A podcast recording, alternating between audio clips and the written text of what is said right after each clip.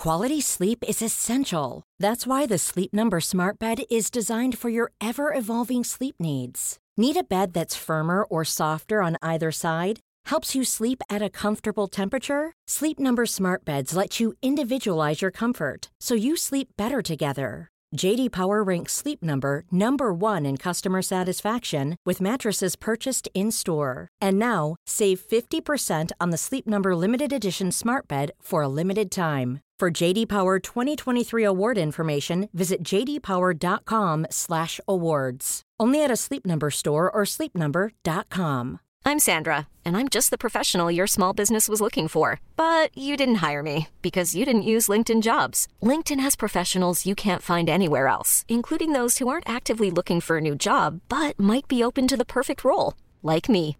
In a given month, over 70% of LinkedIn users don't visit other leading job sites. So if you're not looking on LinkedIn, you'll miss out on great candidates like Sandra. Start hiring professionals like a professional. Post your free job on linkedin.com/achieve today.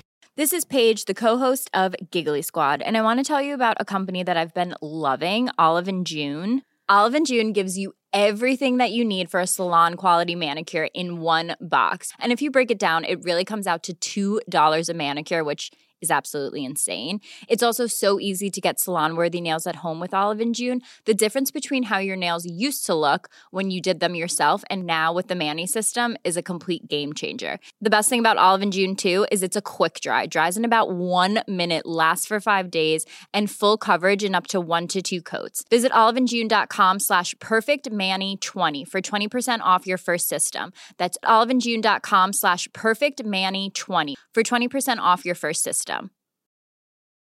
Hey, it's Ryan Reynolds, and I'm here with Keith, co star of my upcoming film, If, only in theaters, May 17th. Do you want to tell people the big news? Right, I'll do. Sign up now and you'll get unlimited for $15 a month in six months of Paramount Plus Essential Plan on us. Mintmobile.com slash switch. Upfront payment of $45 equivalent to $15 per month. Unlimited over 40 gigabytes per month. Face lower speeds. Videos at 480p. Active Mint customers by 531.24 get six months of Paramount Plus Essential Plan. Auto renews after six months. Offer ends May 31st, 2024. Separate Paramount Plus registration required. Terms and conditions apply if rated PG. Du lyssnar på en produktion av Novel Studios. Jag upplever att skolan, det finns de skolorna som är jättebra, men det är också de skolorna som behöver göra mer. Och någonstans handlar det om finansiering. Alltså det handlar ju om att hjälpa de oftast 10 procenten som har någon form av eh, begåvning, men också dysfunktionella sidor. Där krävs det. Det krävs närvarande, det krävs trygga personer. Det här är en populärvetenskaplig podcast där vi utforskar psykologiska fenomen bakom mänskligt beteende. Med särskilt fokus på beteenden som kan bli farliga och som ibland ligger oss närmare än vi själva tror. Jag heter Katarina Hovner och är rättspsykiatriker och forskare. Och jag heter Shilan Kaman och är beteendevetare och forskare. Du lyssnar på Det mörka psyket om avhoppare, andra delen.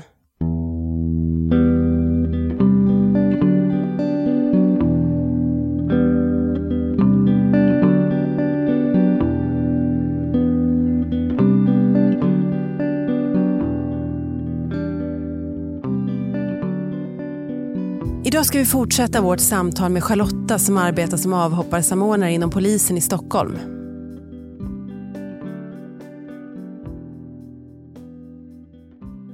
Du, hur länge har det funnits avhopparverksamhet i Sverige? Ja, men det har funnits ganska många år, men då inte med den här lokala anknytningen som det är nu. Så att jag skulle säga att eh, i Stockholm införde man de här lokala avhopparsamordnarna i början av 2020. Så att det är bara två år gammalt drygt. Så det är nytt och det är fortfarande mycket som behöver komma på plats.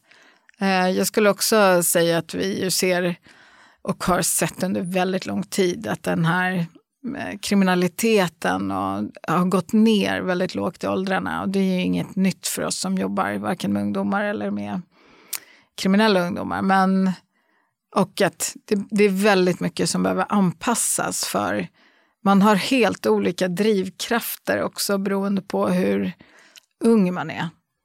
både till att faktiskt gå in i den här världen och den här livsstilen men också varför man vill ur den sen ju yngre de är också så tänker jag också att man har ju så väldigt många fler år av förlorat, alltså som man, man har så mycket mer att vinna på att hjälpa dem Absolut. tidigare. Liksom. För att ju snabbare man kan få ur dem desto mera år har de ju också bidragit till samhället på ett vanligt sätt. Liksom, man tänker. Ja men gud, och jag tänker också rent samhällsekonomiskt så finns det ju Ingvar Nilsson då bland annat som är en nationalekonom som har tittat jättemycket på de här socioekonomiska effekterna och han har ju kommit fram till många kloka saker utifrån hur man har räknat i det här och försökt komma ur de här stuprören och titta på totala kostnader.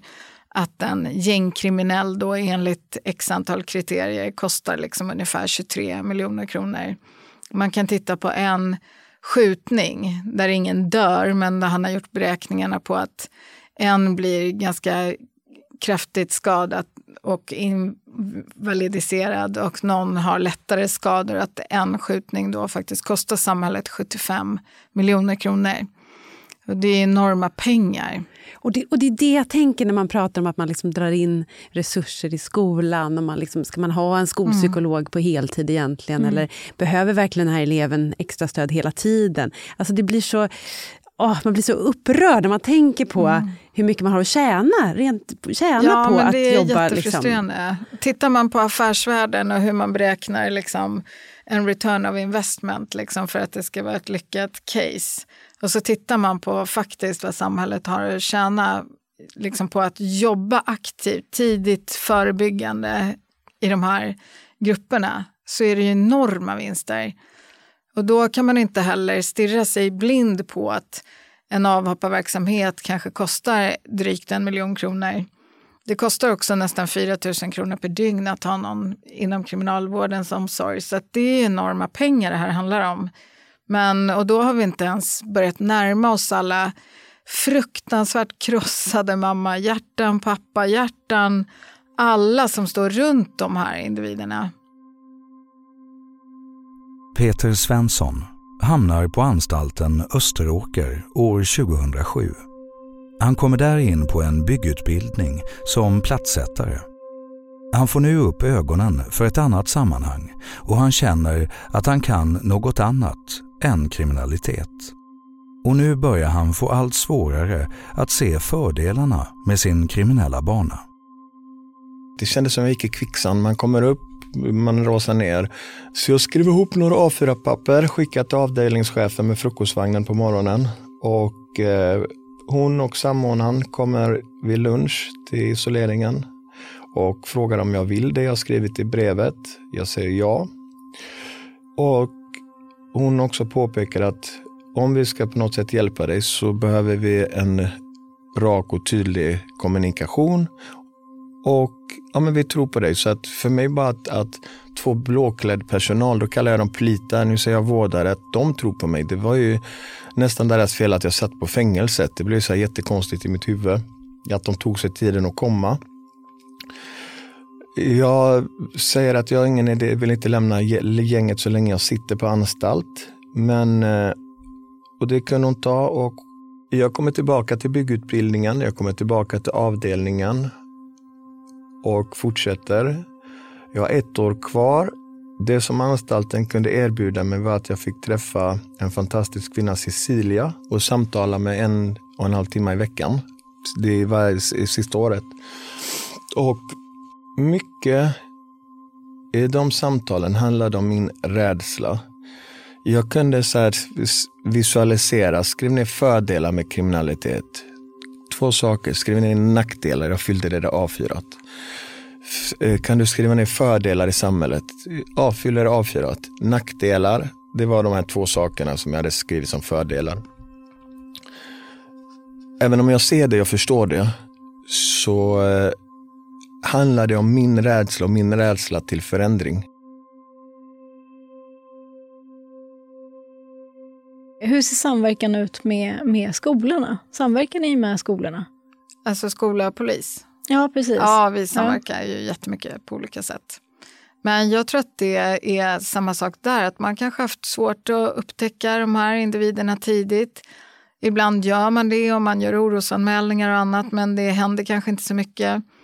Jag tror att man kanske snabbare uppmärksammar ett missbruk då och utreder det snarare än just det här med kriminalitet, att det är svårt. Jag tror att det här är svårare än vad vi tror faktiskt att jobba med. Så att sen, jag kan inte riktigt svara för skolans räkning så. Jag förstår att de har en enorm utmaning. Så att det behövs en enorm satsning helt enkelt. Socialt förebyggande insatser, kunna fånga upp de här individerna tidigt, jobba med den här psykiska ohälsan som jag verkligen inte tror att vi har penetrerat på något sätt än. Vad sociala medier, vad all den här stressen vi lever i just nu, hur den påverkar unga människor. Och hela den situationen vi har i världen idag, i Sverige rent ekonomiskt, att många unga verkligen inte tror att de har en härlig framtid. Liksom. De, den ser ganska dyster ut tror jag att många upplever. Det kan man förstå. Men jag tänker på det här med eh, skolan och eh, polisen eller avhopparverksamhet. Alltså är det, jag antar att polisen kan förmedla att vi känner för, för ibland kan man tänka sig att polisen har lite bättre koll än, än skolan. Och vice versa eh, ibland. så. Men jag antar att polisen har möjlighet att informera då skolorna om att vi är oroliga för den och den. Det, eh. det, här ser ganska olika ut tror jag. Men det finns väldigt mycket olika samverkansforum där både socialtjänst, skola och polis samverkar kring unga i riskzon och unga som man känner en stark oro för. Men polisen skriver ju väldigt mycket orosanmälningar till socialtjänsten och det behöver ju skolan också göra. Um, och det tror jag att, att vi kanske kunde göra mer. Men samtidigt så är det så här att ja, vi kan ju skriva massa orosanmälningar men vad leder de sen då till för typ av placeringar? Och då är vi också tillbaka i det här att vi måste backa och titta. Liksom, vi vill inte få alla de här ungarna placerade på SIS-hem eller alltså, var är familjehemmen som också behövs för den här målgruppen? För det är också en så bristvara. Många av de här unga människorna och barnen skulle ju behöva få hamna i, i en, ett familjesammanhang som är väldigt positivt.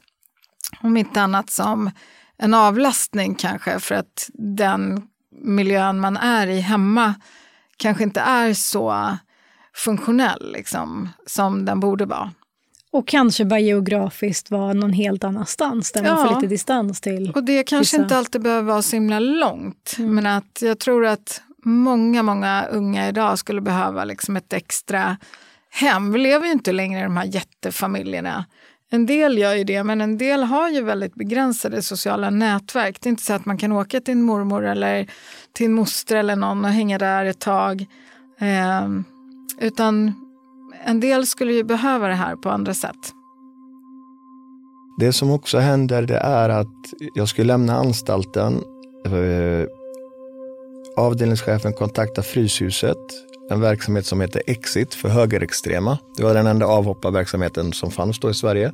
Jag får möjlighet med personal att åka och träffa dem på Fryshuset.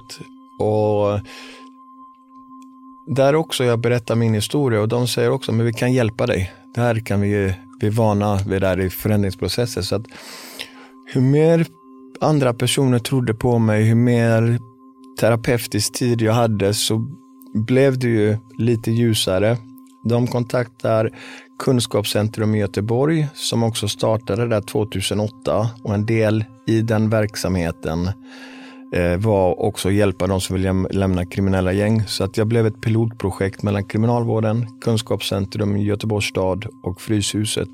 Och jag kommer ut 29 april 2009. Och ja, bosätter mig här i Stockholm, får hjälp i, från Fryshuset. Det, efter två månader, jag hade inte lämnat gänget, så att ja, två, tre månader, någonstans så måste jag ta det beslutet också. Och det var väl också för att jag visste inte om jag skulle få hjälp, funka där, så att gör jag rätt val? Men jag skrev ner ett brev och eh, då sitter den som är ledaren, president, hon håller till på Tidaholmsanstalten förklara att jag tappat tron. Jag kan inte bidra med någonting. Jag, jag, det är inget fel på gänget men det, jag kan inte bidra med någonting längre. Och jag, det blir jättesvårt. Så att, men det blir också en period och jag kan säga när jag skulle lägga på det, jag har aldrig sett en sån gul brevlåda. Eh, mina tårar rann, det var som jag skulle lämna ett tioårigt kärleksförhållande via sms eller brev. Det känns ju jätteruttet, alltså från min sida. Jag, jag, tänkte flera gånger att jag kastade på det här vid lunch. Jag tänkte flera gånger gå tillbaka och bryta upp den här brevlådan och ta mitt brev. Sen så någonstans 18.05 så kunde jag pusta ut för att de, då hade de hämtat posten. Så att, eh, men det var klart att jag var orolig för svaret. Vad folk skulle säga, vad folk skulle tycka.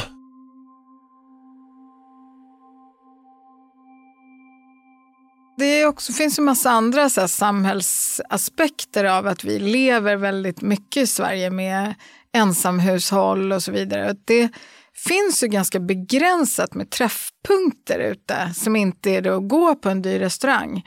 Det finns inte så många ställen dit man kan gå bara för att träffa människor. Så jag tror att vi kanske skulle behöva hitta tillbaka till vissa av de här 70-talsidéerna ändå med att skapa liksom platser där man också kan mötas generationer. Jag hade ju turen att jobba i några år också med gruppen ensamkommande nyanlända. Det är väldigt mycket tonårskillar från Afghanistan.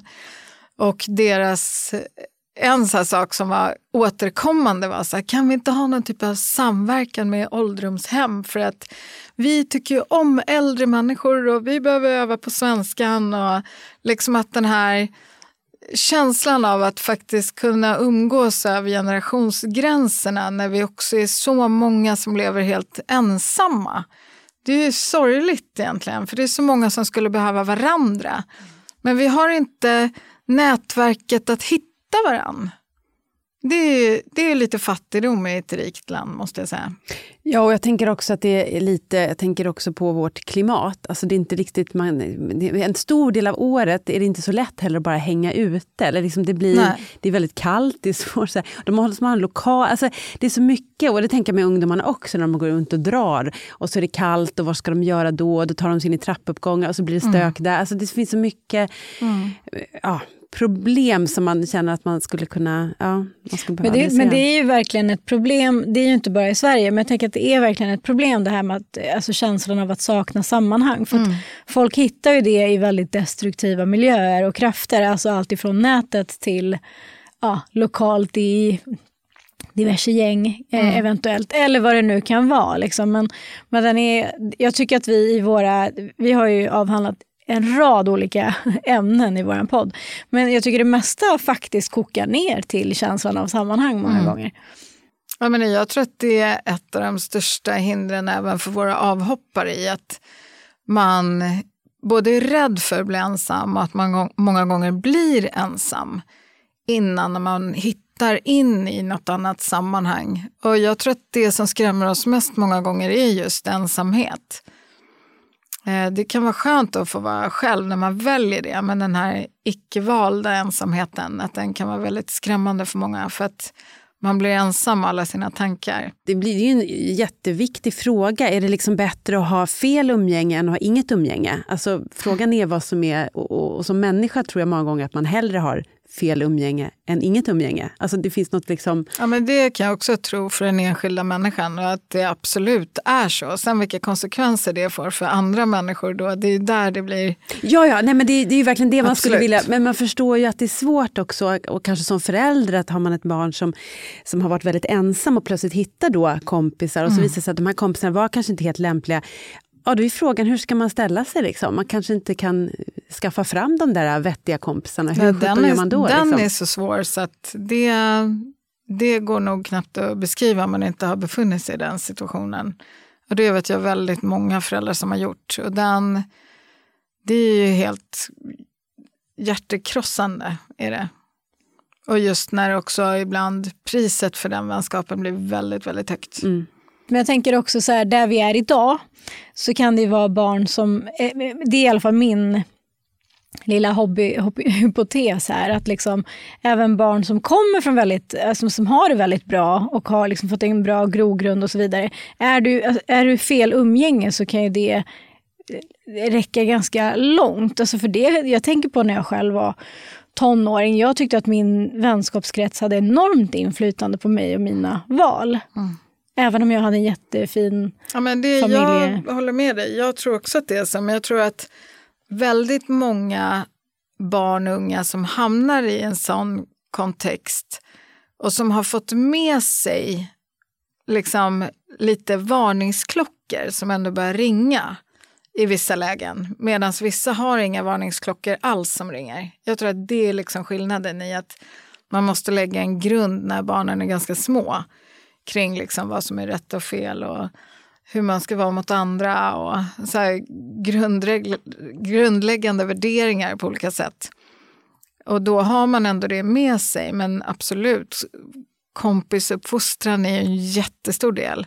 Och idag är det ju också otroligt svårt för många vuxna att ha koll på vilket umgänge ens barn har, för att det sker också väldigt mycket digitalt.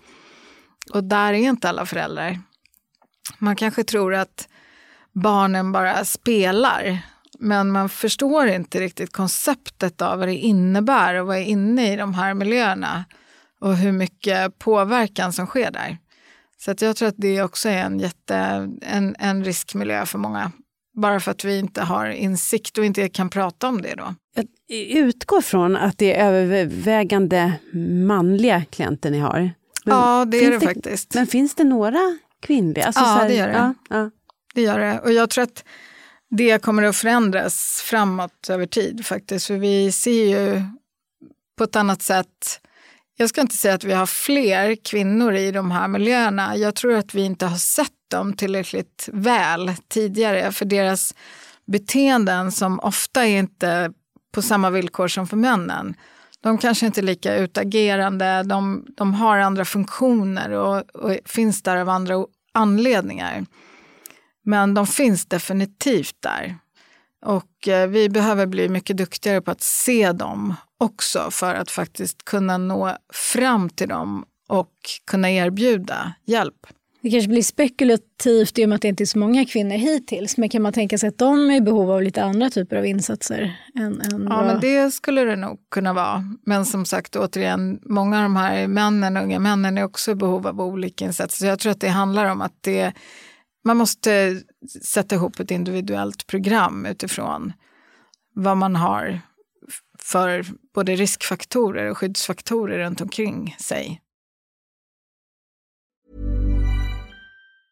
Quality sleep is essential. That's why the Sleep Number smart bed is designed for your ever evolving sleep needs. Need a bed that's firmer or softer on either side? Helps you sleep at a comfortable temperature? Sleep Number smart beds let you individualize your comfort so you sleep better together. JD Power ranks Sleep Number number 1 in customer satisfaction with mattresses purchased in-store. And now, save 50% on the Sleep Number limited edition Smart Bed for a limited time. For JD Power 2023 award information, visit jdpower.com/awards. Only at a Sleep Number store or sleepnumber.com.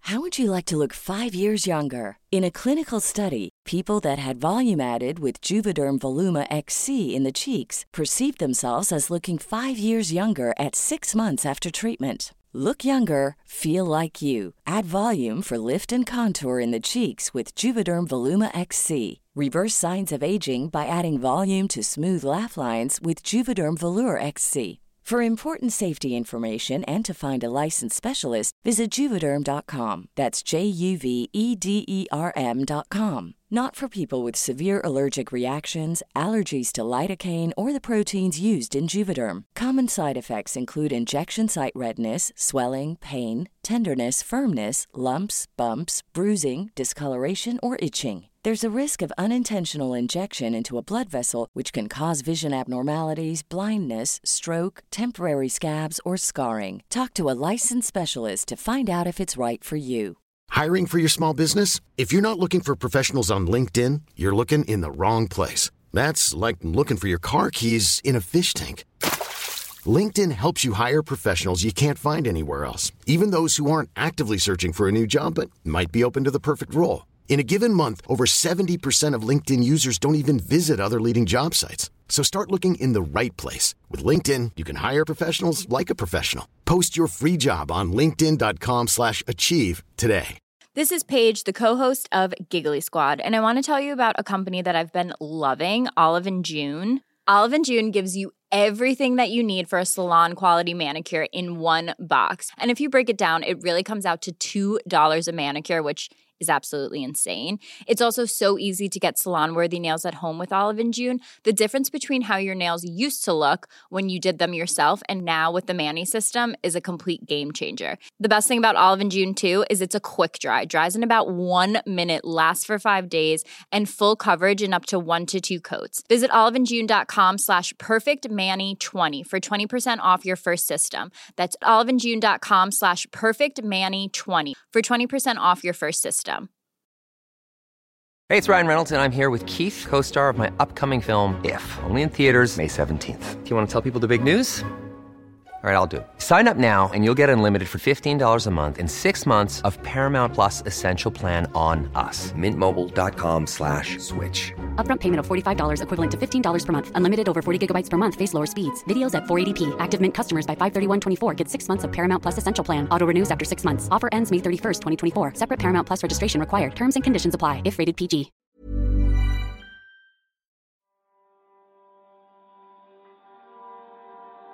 Om man lämnar ett gäng, ett nätverk, det ser så olika ut vad som kan hända. Det, det finns väl fasta regler, men de, alla regler där är ju töjningsbara. Har du god vän med någon som är ledande så kanske det går bättre. Har du inte det, det kan gå sämre. Eh, ska de pressa dig på pengar? Är det någonting, är det en pågående konflikt får du absolut inte lämna. Så att det ser jätteolika ut. Det kan vara jättefarligt och det, ja. Samtidigt eh, så är det också så att när du lämnar gänget så försvinner ju en skyddsfaktor. Även om gänget accepterar det så är det ju människor som du har gjort illa. Både om man säger i privat kriminell regim men också i, i gängets regim. Eh, och om jag är med i gänget och de skadar mig, då kommer det bli konfrontation. Om jag lämnar, då har jag inget skydd där. Så att det är också en, en del som man får tänka på. Jag fick ett brev efter en månad där de tyckte det var jättetråkigt att jag skulle lämna. Jag kunde göra någon affär, få några hundratusen i kompensation.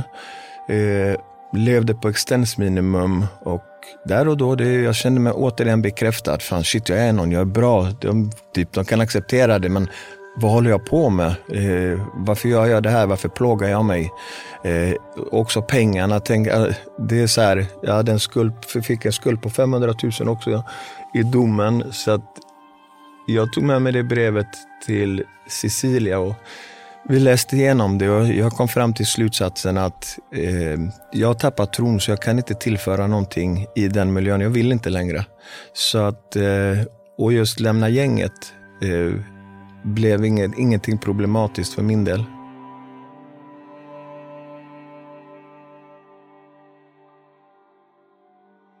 Men du, jag tänker om du bara vill eh, hjälpa oss navigera lite, liksom rent, eh, om du kan bjuda in oss lite i hur en vardag kan se ut för en avhopparsamordnare. Du behöver inte gå in mm. klockan åtta och dricka kaffe. Utan... Det är ett otroligt omväxlande uppdrag. Jag tycker att det är givande på många sätt. Eh, det är helt knäckande ibland också för att man förstår verkligen vidden av hur komplext det här är för många. Eh, en del av dem vi jobbar med har ju också redan blivit skjutna och är skadade för livet eh, och ska kämpa med ett livslångt handikapp eh, ihop med att de också ska försöka förändra hela sitt liv. Jag tror, vi pratar väldigt mycket om alla otroliga tragiska dödsfall men det är också väldigt, väldigt många som blir skadade i de här skjutningarna. Eh, och det tror jag faktiskt inte ens att många i den här målgruppen tänker. De tänker att jag kan dö imorgon. Men de tänker inte så här, ah, från och med imorgon kanske jag hamnar i rullstol resten av mitt liv eller får någon annan skada. Um, nej, men att det, det, det är jättekomplext. Jag tror att det är jätteviktigt att erbjuda vägar ut ur den här livsstilen för att många vill verkligen komma ut. de upplever själva att de inte är välkomna ut. Återigen det här med att också ha någon som tar emot på andra sidan. Där kan vi som samhälle bli mycket bättre. Jag tror att många av de här personerna har ju liksom kvaliteter som går att översätta i massa andra sammanhang. Många är ju väldigt entreprenöriella och har en enorm drivkraft till att göra saker och ting men kanske svårt för att rent teoretiskt sätta sig in i liksom hur man driver ett företag på rätt sätt i Sverige. Det är inte så enkelt alla gånger. Eh, inte för andra människor heller alla gånger. Så att, eh, men en, en dag i mitt avhopparliv kan ju vara att jag redan på morgonen har samtal med någon som ringer. Det kan ha varit något som har hänt under natten. Man kanske blev stoppad i en poliskontroll. Då vill man ringa och berätta det på en gång. Eh, så att det liksom inte ska vara några konstigheter med det. Eh, man vill dela med sig av saker och ting, man behöver hjälp med någonting. Eh, det kan vara det där första samtalet, att man behöver ses och prata mer.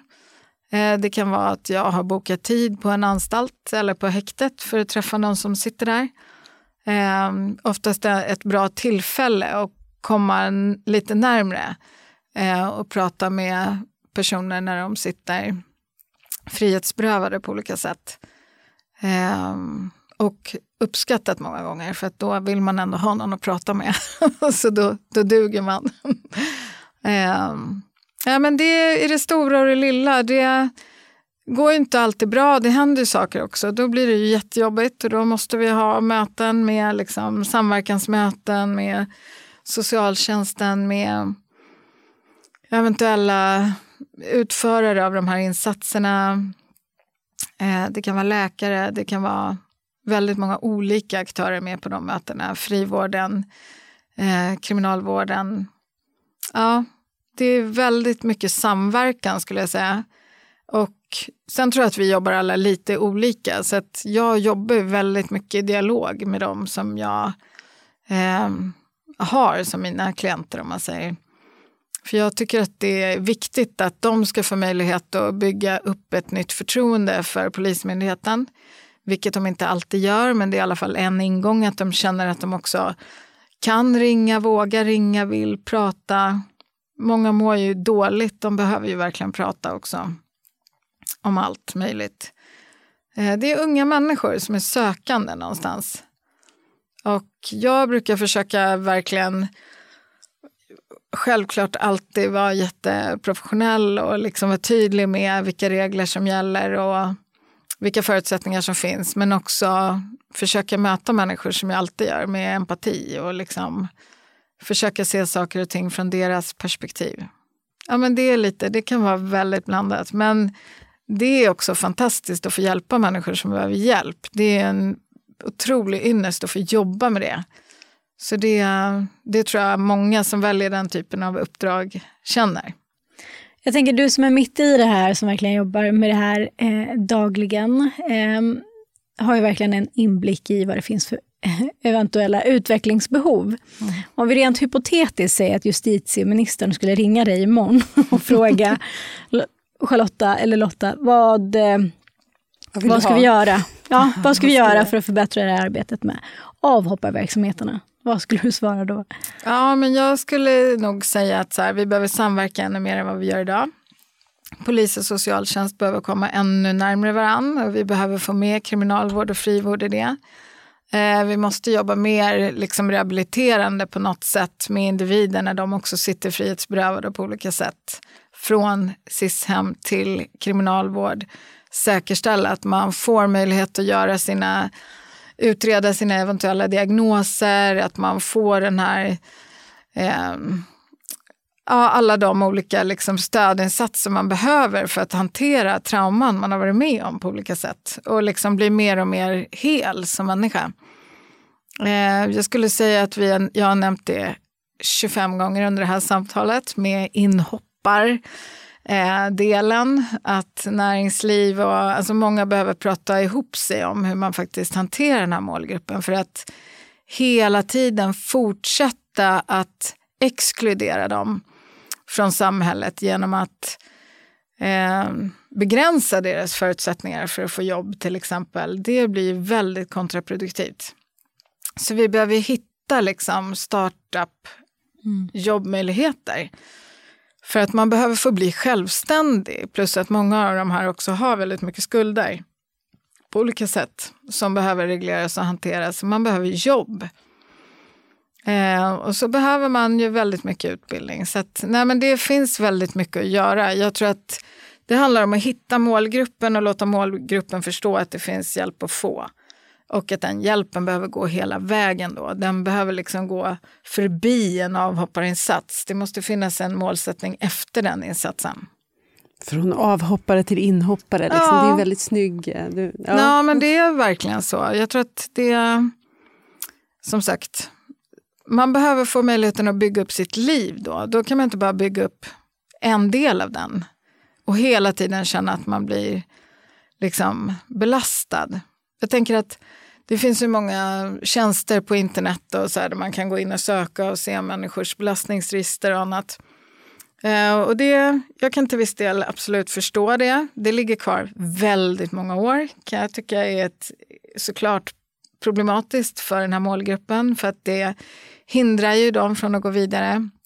Men där borde man ju också kunna lägga in då att ja, den här personen begick de här brotten men har också gått en avhopparverksamhet med lyckat resultat i samverkan med polis, har skött alla sina åtaganden under den här tiden och så vidare. och så vidare. Att det behöver finnas liksom den typen av inslag också.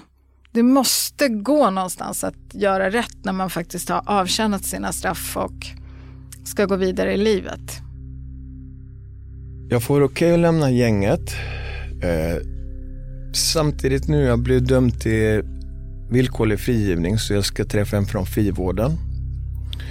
Och Ja, det var det är inte så här att eh, åh gud vad kul att gå på de här mötena och det var, varit det tidigare utan jag gick ju bara när jag måste. Eh, så det kändes ju som ett straff. Eh, här kommer hon till Fryshuset. Eh, frågar om det är någonting hon kan hjälpa mig med. Och Eh, jag säger ja. Jag fick med mig en remiss från eh, anstaltens Österåkers psykiatriker om att göra en neuropsykiatrisk utredning. Hon säger att hon kan hjälpa mig med det och att vi byter telefonnummer och att, att vi behöver inte träffas regelbundet utan hon har förtroende för Exit och Fryshuset. Eh, så jag tänkte också, va? Vad är det här? Ytterligare en person, schysst person om man säger så. Så att successivt där börjar också mitt tankesätt ändras. Det är, det är inte fel på andra utan det är fel på hur jag själv har tänkt. Så jag 2009 gjorde jag en utredning. Jag får svar 2010 att jag har ADHD och bipolär typ 2. Vilket, vilket jag upplever är en gåva men också att man får hitta strategier och eh, hjälp kring de delarna som kan vara mindre eh, bra så att säga. Fryshuset startar upp en avhopparverksamhet för kriminella gäng och nätverk, Passus, 2010. Så jag började arbeta där. Jag kan bli bättre på att sätta plattor men hur utveckla min personlighet? Vad är viktigt för mig nu? Samtidigt så såg jag att kring avhopp och hjälp så var kunskapen otroligt låg. Så att jag kände också att jag kunde bidra med någonting. Träffade en tjej, barn, eh, och utvecklade den här verksamheten helt enkelt. Det som också var, det som också är någonstans, hur ska jag säga, jag hamnade med några eh, som hade 50-årskris och ville göra en svensk klassiker. Så att de tog med mig och sponsrade mig och hjälpte mig jättemycket där. Så att eh, jag sprang lopp innan, joggade en del. Men för mig blev det också jätteviktigt just att hitta en ny gemenskap, en ny grupp, ny tillhörighet. Alltså mitt fritidsintresse eh, blev ju träning, träning tillsammans med andra. Så det blir, det blir en slags gemenskap. att eh, Någonstans så tror jag att vi alla vill ha eh, en tillhör, alltså en fritid, tillhörighet, vänner, familj.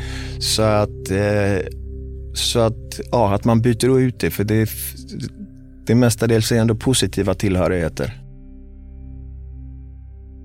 Uppdrag granskning eh, sände ett avsnitt ganska nyligen som handlar just om eh, avhopparverksamheten. Eh, och I det avsnittet så tar de upp en diskussion som jag tycker är liksom principiellt väldigt intressant. Eh, inte bara i, i relation till liksom avhopparverksamhet men generellt. Och Den skulle jag vilja bolla lite med dig och höra lite hur du tänker Katarina. Okay. Eh, det handlar just om det här med värdet av att involvera personer som själv har haft den här problematiken.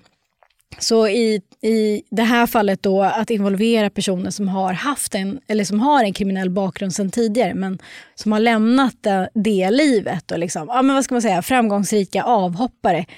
Helt enkelt. Och det här känner jag igen lite utifrån mitt fält med partnervåldsutövare där eh, ja, bland annat när jag gjorde intervjuer med partnervåldsutövare så nämnde de att de skulle vilja liksom ha någon form av, ja, men nästan som en tolvstegsgrupp eller liknande för att diskutera, alltså ha, ja, men, avhålla sig från att återfalla i just partnervåld och där de skulle stötta varann. Och där pratar de också om just det här med gruppbehandling med terapeuter och så att de har, väl, att de har mer tilltro till en person som själv har haft den här problematiken och att de är liksom mer legitima som behandlare.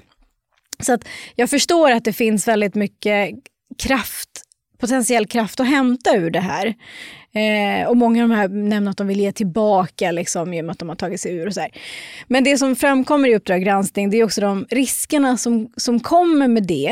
Eh, en uppenbar risk är just att personer kanske inte har hoppat av eh, utan, att det att, eh, utan att det uppdagas eller att de återfaller i brottslighet utan att det uppdagas. Och det kan ju få förödande konsekvenser. Så till exempel i, i den här eh, avhopparverksamheterna då så kan det innebära att man röjer personers, liksom, alltså om, om det är någon som lever, många av de här lever ju skyddat. Så om det är någon som fortfarande är, är liksom, har en koppling till den gängkriminella världen och som vet vart vissa skyddspersoner liksom befinner sig så är det, ja men det kan ju potentiellt vara på liv och död. Så jättesvårt. Ja men verkligen, jag håller med dig. Jag har, nog, jag har inte sett just det eh, programmet men eh, men jag håller med dig. Det, jag menar, man ska komma ihåg, det här är ju inte, inte bara inom partnervåldsutövare utan om vi tar AA, anonyma ja. alkoholister till exempel, där man har ett mentorskap. Då är det ju folk som tidigare, eller har, fortfarande går där men har kommit långt i sin process som är liksom mentor åt nyare medlemmar och så.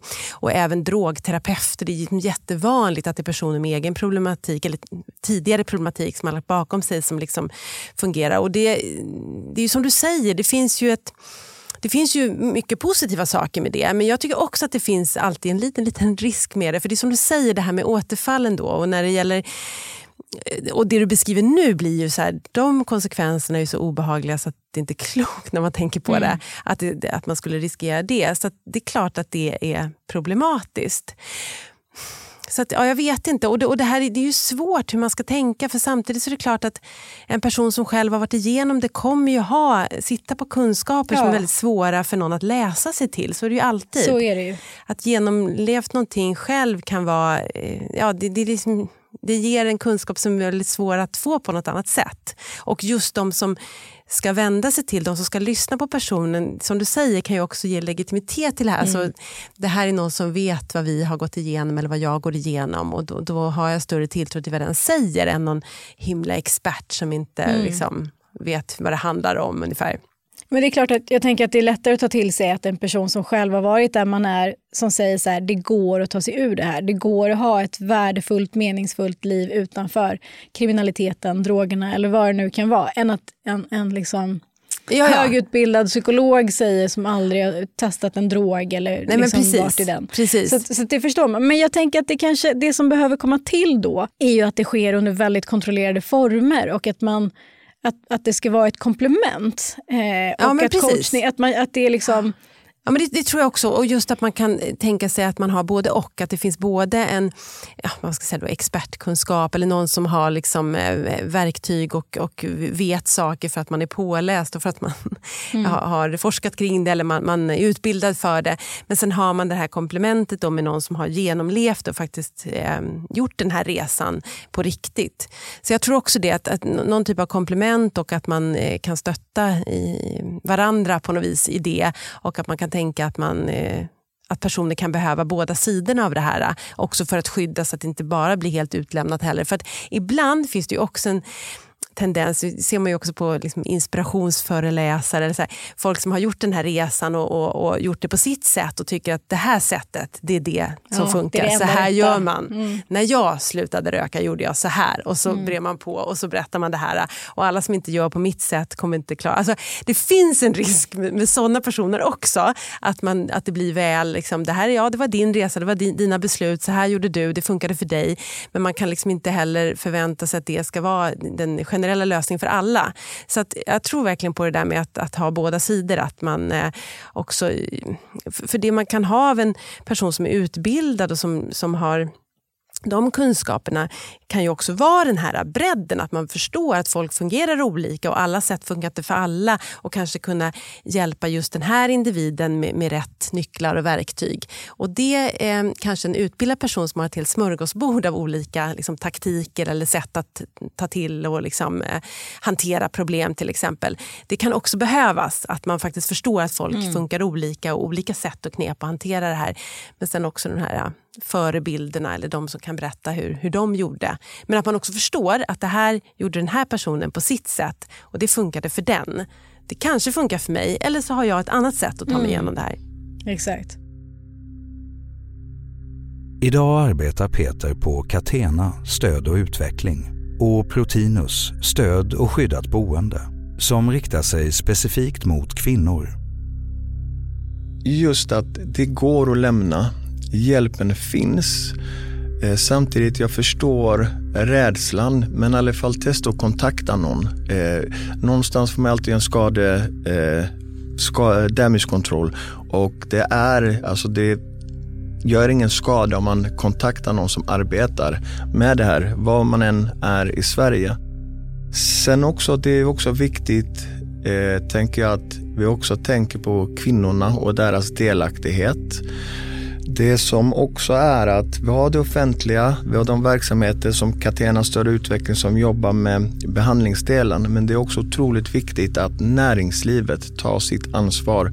För någonstans i processen behöver de praktikplats, arbete och sen bostad. Eh, jag får ofta frågan, då ska de här ha en gräddfil? Nej, vi pratar inte om en gräddfil utan de ska ändra livsstil, de ska kämpa, men på grund av att någon kanske inte har ett icke-svenskt namn, någon har brottsregister, då kommer du inte in eh, på arbetsmarknaden. Och just att det finns de företag som vågar ge dem en möjlighet, en chans till ett arbete eller praktikplats. Just det upplever jag är viktigt och när man kommer till målgruppen kriminella gäng, kriminellt nätverk, då upplever jag att det finns en sån rädsla. Alla blir så rädda. Och det är inte konstigt kanske med den nyhetsrapporteringen som är, men det är fortfarande människor. Och under mina 13 år i det här har jag träffat flera hundra stycken, jag skulle kunna säga tusen. Eh, jag försöker alltid ställa en fråga till dem. Vad var din dröm när du var liten? Det finns inte en enda som har sagt att deras dröm var att bli kriminell. Oftast polis, brandman, militär, fotbollsproff, eh, in i mediebranschen, marinbiolog. Allt annat än att man ville bli kriminell. Så någonstans gör man sina val, men man formas också på resans gång